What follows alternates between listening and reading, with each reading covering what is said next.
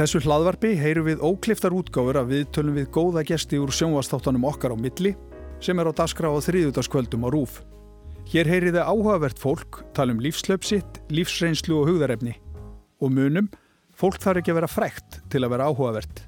Ég heiti Sigmar Guimundsson og þetta er okkar á milli. Þótt gestum minn í kvöld sé í raun íslenskar en flestir íslendingar hefur hann einungis búið hér á landi í 20 ár og af þeim sex tungumálum sem hann hefur lært er íslenskan klárlega það erfiðasta. Erik Figueras Torras, fættur og uppalinn í Barcelona, var íslenskur ríkisborgar árið 2007 og vil hverki búa annar staðar en í Hafnafyrði með Björk konu sinni og tveimur dætrum. Í 20 ár hefur hann smalað í Kalmanstungu, ferðast um Horstrandir, Hálendið, klifið hæstu fjöld landsins og jökla. Hann hefur mikla ástriði fyrir íslenskunni og vil leggja sitta mörgum svo hún lifi af í stafrænum heimi, jafnvel þótt ein af ástæðunum sé frekar sjálfhverf. Erik, hvertu hjartanlega velkomin hinga til mín. Takk fyrir. Gaman að fá þig. Ég var að segja hérna frá því að er náttúrulega margar ástæði fyrir því að þér þykir vænt um íslenskuna og viltu veg hennar sem mestan en ein er sjálfhverf. Hver er hún?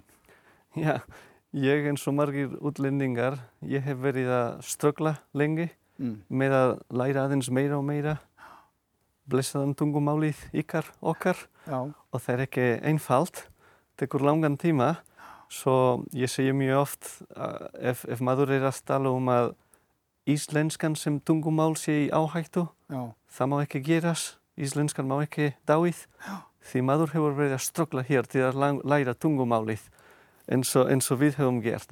En það er alls ekki auðveld að gera það. Þetta er mjög erfitt Já. fyrir útlendingan að læra. Nei, það var náttúrulega hundfúlt fyrir ykkur sem er búin að hafa svona mikið fyrir þessi 20 ára að læra íslensku eða það. Við værum að byrja að nota einskan miklu meira en svo áhættan er tilstæðar og Já. maður þekkar það. En ég hef séð því maður kynnis nok nokkrum útlendingum hérna á Íslandi fyrir nokkrar aðeins auðveldra, fyrir aðrar aðeins erbira og þingra. Ég kom fyrir 20 árum síðan, mm. svo fyrirgefðið hvað ég tala ekki en þá nóg góðan fullkomlega íslenska eftir svo langan tíma en það er erfið, það eru alls konar hlutir sem þið heyrið ekki, þið vitið ekki hvað þeir þungt og, og, og, og flokið fyrir okkur að læra tungumálið. Nendu mér nokkur dæmi, þú ert svona með nokkur dæmi í huganum, hvað getur ja. verið erfitt að læra íslensku? Uh, nágranninn minn og vinnur minn, hann heitir Egil, Já. en hann heitir Egil fyrir háðegið. Eftir háðegið heitir hann Agli, Já. svona um kvóldið heitir hann Egils. Svo kemur um helgar núna ég er fræn að kalla hann Ugli bara til að ruggla kerfið aðeins meira Já. Konan mín heitir Björg stundum Björ, uh, eh, eh, Bjarkar svo ég er fræn að kalla hanna Björkur til að hafa það mjög íslenskt. Og svo er það sem allir vinnir mínir eru búin að heyra það í 20 sínum fyrirgefiðið en, en einn dæmi fyrir mig um hvað þeir erfitt að viðstu, þú, þú fær einhver referens hér og þar og þú reynir að nota það til að bæta þín orða forða og, og, og tala meira íslensk og ég kalla það fyrra vandamálið. Fyrra vandamálið. Fyrra vandamálið sem fer þannig að þú, þú lærir orð sem heitir í fyrra og það þýr eh, síðast árið. Já. svo maður struktúreira logikina hér og segir ok, svo fyrra á að vera mínus eitt einhverja logik þar. Og þær finnst að þangast til þú heitir fyrra kvöld því Logikinn segir þér það var í gerð kvöldið en að sjálfsögðu allt í einu fyrir orðið mínus tveir. Maður er sveianleikur og segir ok, allt í lagi, ég, bara, ég verð meira íslendingur en íslendingarnir svo ég ætla bara ekki kvarta en svo kemur í fyrramálið að sjálfsögðu og allt í einu er fyrra orðið pluss eitt og maður bara segir ok, ég ætla bara tala eins og vindurinn sem blæs norður, súður og hæri og vinstri og maður veit ekki. Svo það er alls konar þannig hlutir. Maður reynir að nota logikinn stundum, stundum og heima hjá mér er að tengta foreldrarnir mínir eru ennþá að hlæja að þegar ég var að reyna að byrja að tala á íslensku mm. um, ég, ég var að reyna bara eins og ég sæði nota orð hér og þar og búa eitthvað til sem það virkaði í Þískalandi ég var sex ár í Þískalandi áður en ég kom til Íslands og það reytaði mér mjög oft að ekki kuna orðin bara blanda eitthvað saman og, og, og það virkaði. Ég man eftir einu sinni, ég var heima hjá þeim í kvöldmatt líklega mm. og ég var, að, ég, ég var að reyna að segja að það var eitthvað í forstofunni. Þur, þurfti að ná eitthvað í forstofunni. Ég þekkti ekki orðið.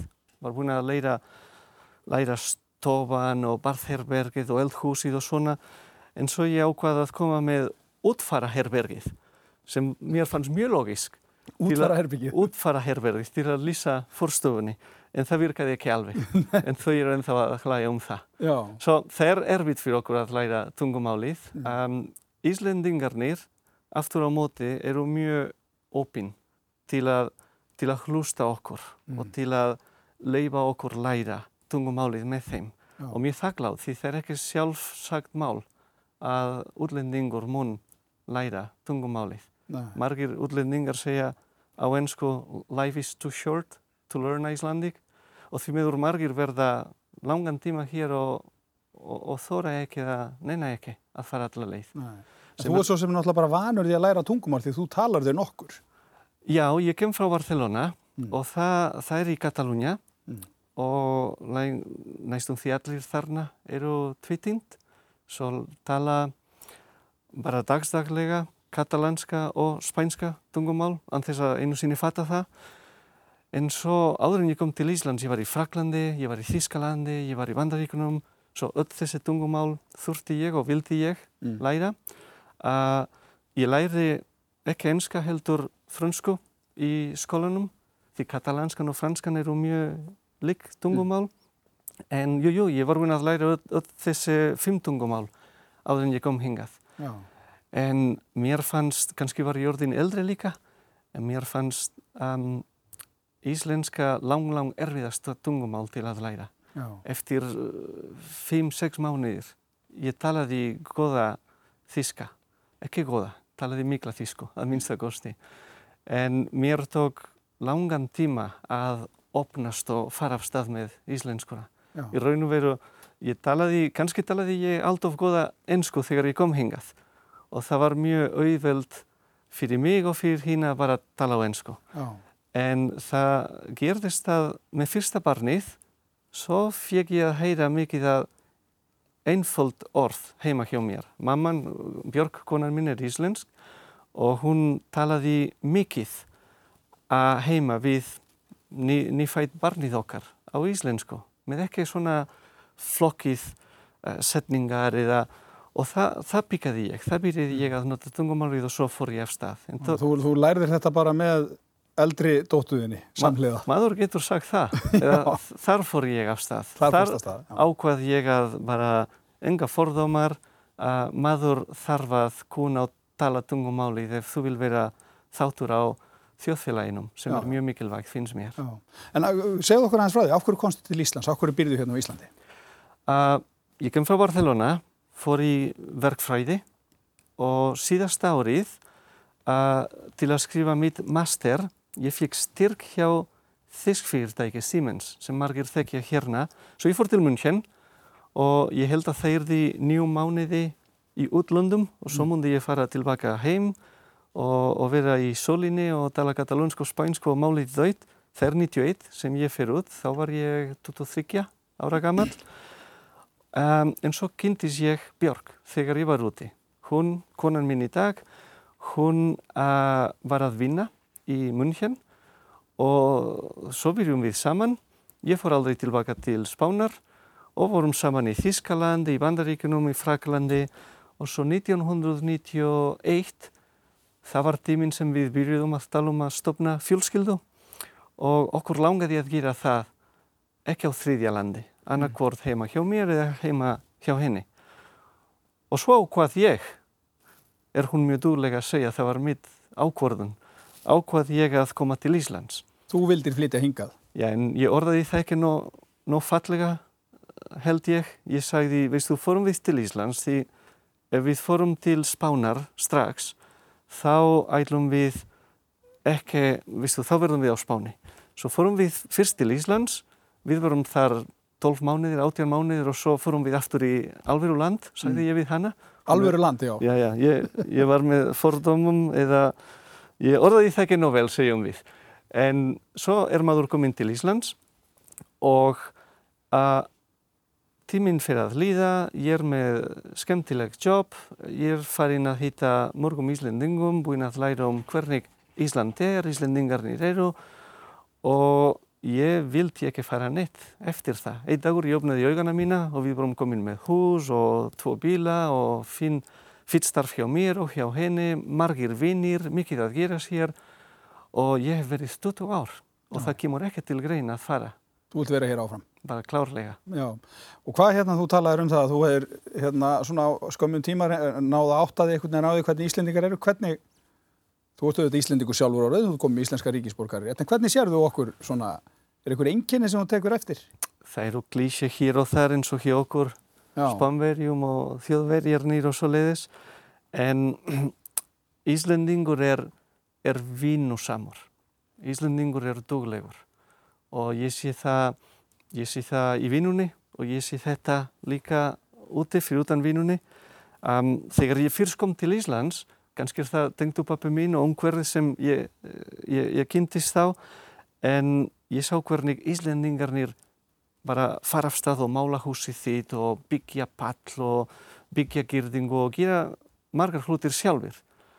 Mér referens á spáni var ef, ef eitthvað uh, hættir að virka eins og pípurnar eða svoleiðis. Mm. Maður fæ fagmann, hérna maður retar sér einhver meginn og, og ég, ég segja ofta að ef þú gefur Íslending skrújárni, hann mun byggja hús yfir helgina og maður, maður reytar sér en við erum að tala um svona fordómar og hlutir sem maður sér stundum segja líka þú setur ekki í sömu setningu um, skipulagður og íslensk við erum ekki mjög skipulag Nei. og kannski er minn fordóm að ég óls, óls upp í, í vínunni í Þískalandi mitt fyrstjóp og ég var þar sex ár. Þeir eru skipulaður þetta? Þeir eru það Já.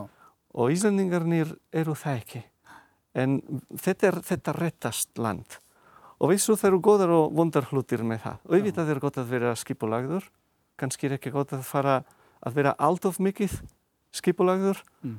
og kannski er ekki gott að vera alltaf með þetta þetta mun rettast attitút en, en þeir eru góðar og vondar hlutir í öllum.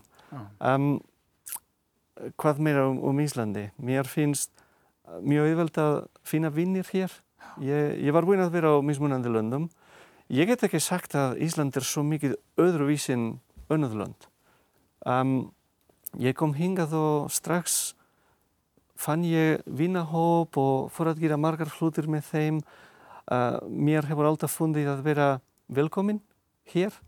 Um, svo bara glæsilegt að vera hérna. Já, og ég veit að þú segir það sjálfur og vinirðinni segja það og fólk sem þekkir það, þú sért eiginlega íslenskari heldur en við sem erum búin að búa hérna alla tíð. Já, ég heyri það oft. Ég, ég er ofta, ég hef verið á morgum stöðum á Íslandi sem, sem margir sé að býðu, hvernig, hvernig komst þú þangað? Já.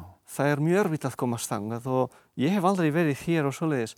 Ganski er ég heppin. Um, Ég meina, þú ert búin að fara upp um öll fjöll, jökla, þú ert alltaf í réttum á hverju ári. Já, það er rétt. Ég, ég, það sem ég býr, við erum með gottugrill og við erum með gottugrill einu sínu ári, svo við ákváðum að stopna gonguhopur og þar Egil, Egil sem ég var, var að tala um, hann er uh, lausogamadurinn okkar, svo hann er búin að stakka okkur upp á heiðarhorn og upp á njúkinn, Kvarnadalsnjúkur, nokkrum sínum og Snæfellsjökull og við fórum núna fyrir orðfáum árum síðan til að Miðvík á Hornafyrði, bara mjög skemmtileg ferð.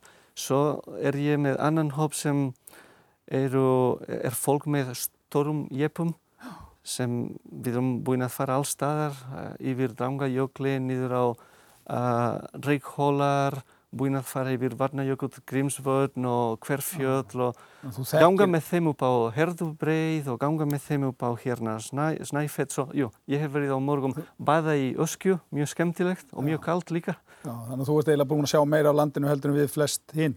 Má alveg segja það? Ekki flest en, en ég fæ að heyra þetta oft og svo réttirna eins og þú nefndi á þann. Ég, ég er mjög stoltur að vera fasta smala maður í, á réttum í í kringum, það heitir Kalmastunga það eru réttirnar hjá fljótstungu.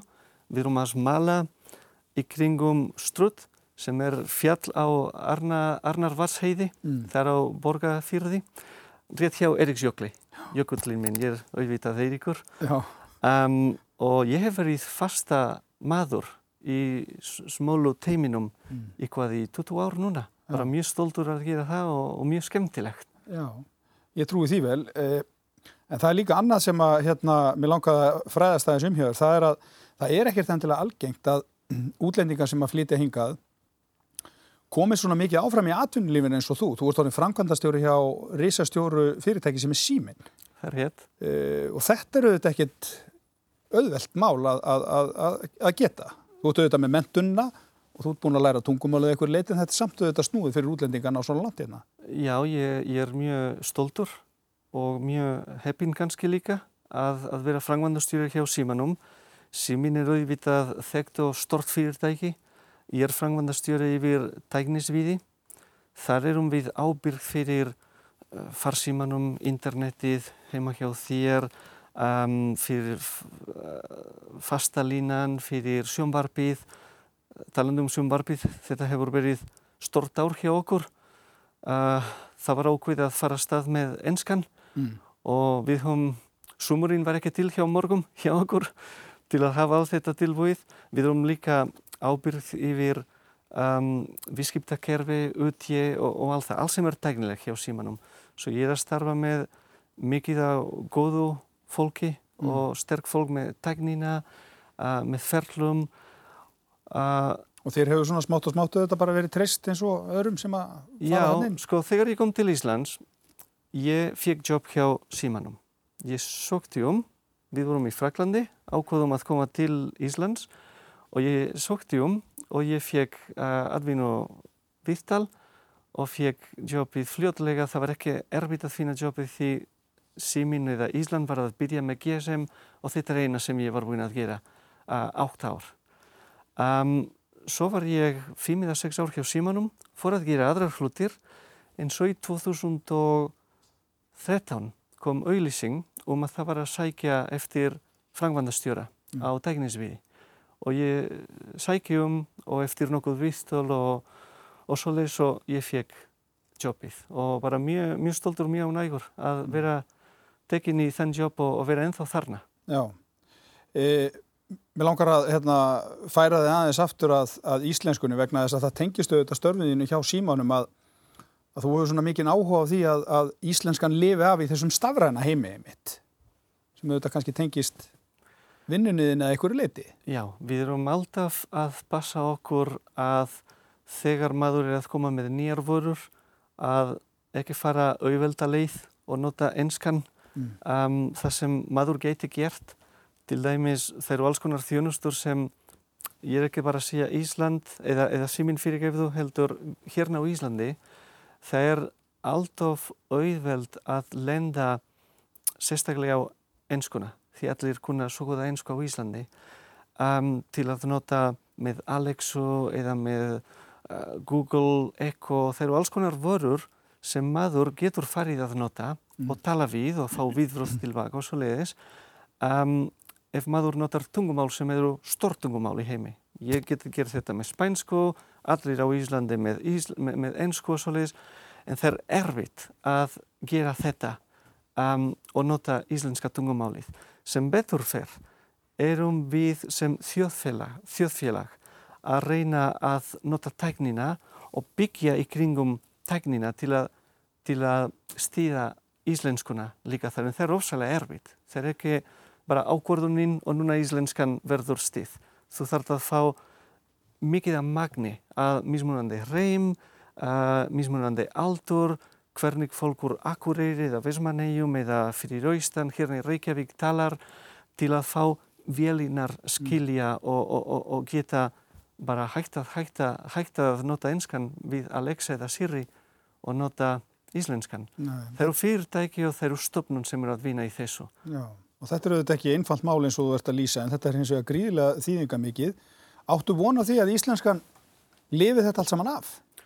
eins og ég er búinn að segja það þarf að gera því annars er maður, er maður búinn að veðja í rángum tungumálum en það er, það er alls ekki þannig. Íslenskan um, á að komast áfram og, og það mun ekki gera sjálfkrafa, það mm. þarf að verna, mm. verna sér maður, uh, protect. Já, já, það þarf að venda hana. Vend, venda hana, takk. Um, en en það er alveg hægt. Ég nota oft dæmið uh, sem ég þekki úr mínu heimalandi. Í Spán er 50 miljóna land. Uh, í Katalúnja eða í Vaska landið líka það verða töluð tvotungumál líka í Galícia. Þeir taka, tala líka gallego, Vaska landi vasneska, vasko. Mm. Katalúnja talum við spænska og katalanska. Og í þessi svæði ef það, va, ef það væru ekki protokólar og en, einhver, einhver aðtíkli til að passa sig að sátungumál fari ekki það er áhægt að hitt stærri tungumál fari. Já, líka hérna á Íslandi með internet og með alls sem við og unga fólki sérstaklega er að fylgjast með og, og allt það. Um, áhægtan er til staðar. En ég eftir að vera hér svo lengi, eftir að skilja hvernig þið við Íslandingarnir erum og hversu mikilvægt tungumálið er fyrir þjóðina. Því hvað er Ísland án íslenskan? Ísland væri ekki eins. Mm.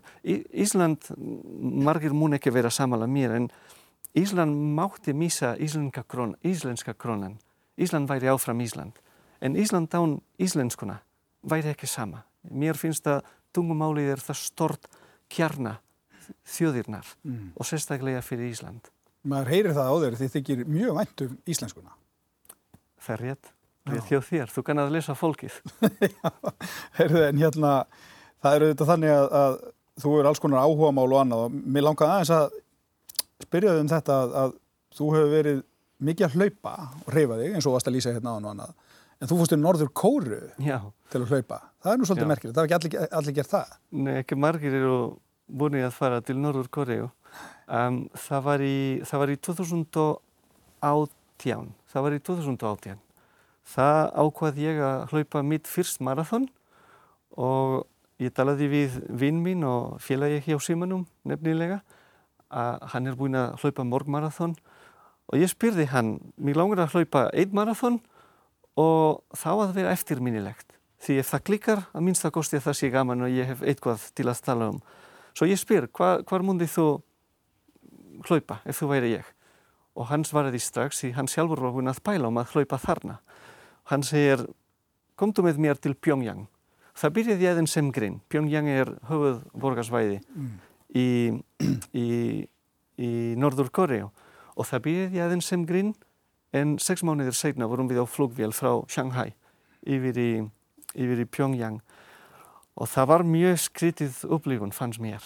Auðvitað við vorum bara í Pyongyang, það er hægt að stakka ferðir annar staðar eins og ég veit ekki hvað það heitir á íslensku en það er Demilitarized Zone sem er landamæri. Já, hlutlösa svæði þarna millir Suður og Norður Kóru. Það er rétt og þeir eru um það vil upp í tvær kilometrar um, það sem enginn má búa þar og hvorki Norður eða Súður Korea með að mhm. fara eini en þeir eru svæðið það sem þetta verður miklu mjóri eins og þegar við sjáum fórsetarnir tveir að fara yfir línuna og hafa svona smá dans þarna um, svo þeir eru alls konar ferðir okkar ferð var einungis í Pyongyang og við fengum að sjá bara það sem þér vildu synd okkur. Já, þetta er auðvitað alltaf bara eitthvað leiktjöld sem er sefðunni. Þetta var aðeins eins og Truman Show Já. eða það var eins og fara til Hollywood og við vorum alltaf á þessa þjárgótur sem þeir vildu sínda okkur því þeir eru búin að skrauta þessa þjárgótur ég var alltaf að hugsa eins og, eins og fara í Hollywood og veistu þú að einhver mynd og svo leiðis þetta er bara mjög fallegt en ef þú horfar fyrir aftan er allt í rúsli mm. við fengum að sjá uh, þegar við hljópum marathón það voru 21 km fram og tilbaka þessar þjárgótur það var ekki hægt að hlaupa helmarathon þar. Svo við fengum að koma miklu víðara og stærra en við vorum búin að sjá þessi, þessar dagar. Svo fengum við að sjá fyrir, fyrir, fyrir aftan Hollywood Facade. Mm. það var allt annars. En Pyongyang skils mér er miklu betra en maður getur fundið fyrir utan borginni. Já, fátæktin er svolítið falinu auðvitað þarna við í sveitunum og annað og það ja. er auðvitað allt annað Það, heldur, var, en heldur en að þið fáið að sjá. Það var skrít, skrítið ferð uh, ekki, ekki land sem kannski ég mun fara aftur Nei. en bara góð úr upplifun og maður á alltaf að læra eitthvað nýtt. Já, já, eins og, eins og þú ert nú aldrei búin að gera á lífsliðinni hérna, langar að spyrja það á lokum. E, langar þið aldrei að flytja aftur heim til Spánar? Búa í Barcelona eða eitthvað starf í Katalóni er, er ekkert þar sem að tógar það mikið í, í þig að, að þú getur alveg hugsaðir að fara tilbaka? Aldrei segja aldrei. Um, í dag það er alls ekki á mínum plönum eða okkar fjölskylda.